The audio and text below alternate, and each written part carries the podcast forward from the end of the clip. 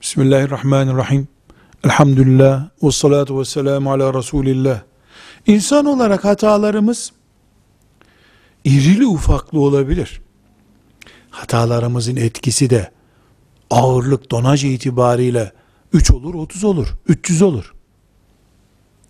Bid'at Resulullah sallallahu aleyhi ve sellem ashabının zamanında ibadet gayesiyle yapılmamış şeyleri daha sonra ibadet olarak yapmak demektir. Bu bid'attır. Dine ilave bid'at getirmek demektir. Bu mesela namazdan sonraki 33 defa Subhanallah dediğimizi 34 defa dese bir Müslüman bu bid'attır. 33 demiştir Peygamber sallallahu aleyhi ve sellem. Bunu bir fazla yapmak bid'attır. Bu bir günahtır. Aynı şekilde öğle namazı bundan sonra 5 rekattır deyip 5 rekat kılanınki de bid'attır.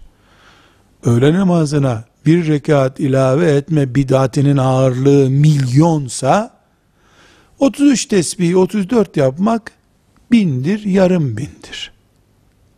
Belki bin bile değildir. Ağırlık farkı vardır. Dolayısıyla her bid'at bir hatadır.